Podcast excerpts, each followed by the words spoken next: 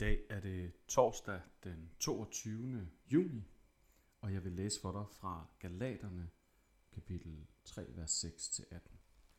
Det er som Abraham. Han troede Gud, og det blev regnet ham til retfærdighed.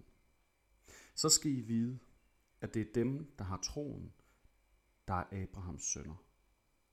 Og da skriften forudså, at det er at tro Gud erklærer folkeslagene retfærdige, fik Abraham på forhånd det evangelium forkyndt, i dig skal alle folkeslagene velsignes. Derfor velsignes de, som har troen, sammen med den troende Abraham.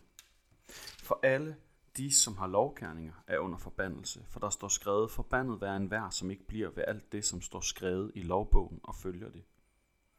Men at ingen bliver retfærdig for Gud ved loven er klart, for den retfærdige skal leve af tro. Loven derimod siger ikke, at det er af tro, men siger, den, der holder budene, skal leve ved dem. Kristus har løskøbt os fra lovens forbandelse, ved selv at blive en forbandelse for vores skyld. Der står jo skrevet, forbandet af en vær, der hænger på et træ, for at velsignelsen til Abraham kunne nå ud til hedningerne i Kristus Jesus, og vi ved troen kunne få ånden, der var lovet os. Forbandet er en vær, der ikke bliver ved alt det, der står skrevet i lovbogen. Det er en sætning, der bare hænger fast i mig øh, fra den her passage fra Galaterbrevet. Er det ikke virkeligheden? Er det ikke følelsen nogle gange? Forbandet er en vær, der skal overholde alt fra lovbogen. For sådan lever vi. Som om, at vi skal bekræfte og bevise, retfærdiggøre os selv ved at leve ordentligt. Det er jo ikke kun Moseloven, som kan blive en forbandelse for os. Det kan være de andres blikke. Loven om, hvad der skal til, for at de kan lide dig. For at du er god nok. Det kan være loven om, hvordan man skal arbejde. At du skal slide og sørge for at gøre det godt for ellers. Det kan være loven om kærlighed.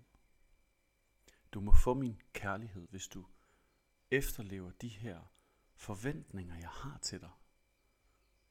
Og hvis du bryder med dem, så bryder jeg med dig. Der er så mange lov, der kan blive til forbandelse for os.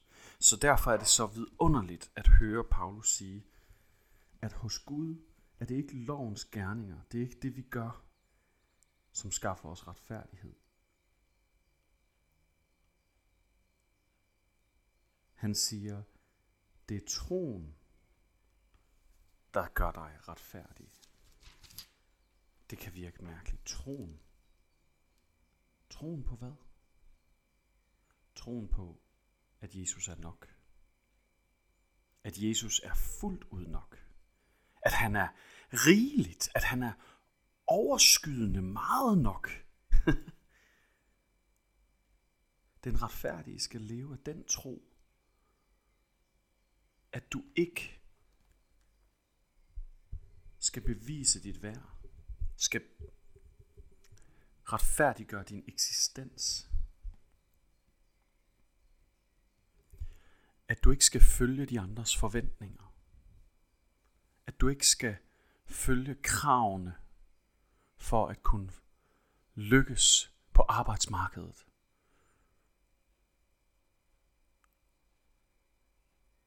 Der stilles to forskellige tilgang til livet op for os i dag.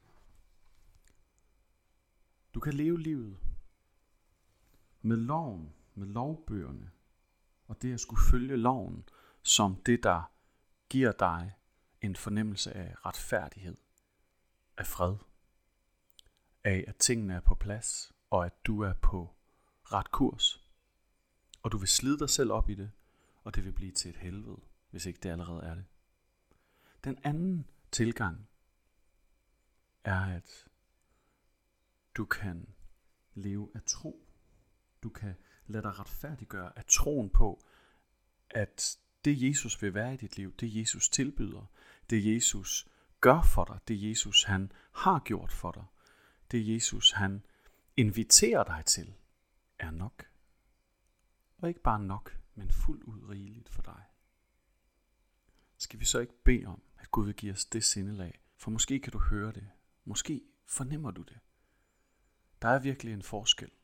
Det er forskellen på forbandelse og befrielse. Kære Gud, kære Jesus, tak fordi du er fuldt ud nok, og troen på dig er fuldt ud rigeligt til retfærdighed. Fordi du gjorde det, du gjorde, fordi du blev forbandelse.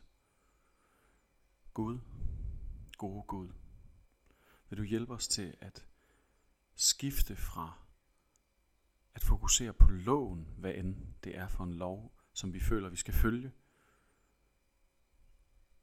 til frihedens liv, til troens liv. Giv os, hjælp os, forny os i det. Amen. Kan I have en rigtig dejlig dag.